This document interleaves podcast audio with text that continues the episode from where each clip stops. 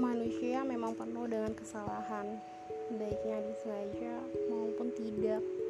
Tak apa itu semua terjadi. Justru yang buat kita tahu apa yang harusnya benar untuk melangkah. Lihat di kemudian hari merasa bahwa kita manusia yang penuh dengan dosa. Emang mencari cara untuk membersihkan diri menjadi pribadi yang lebih baik dari sebelumnya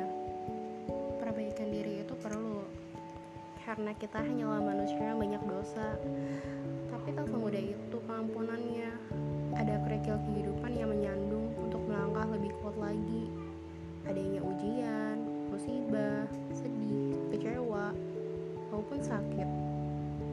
Itu semua semata untuk mengukur dosa.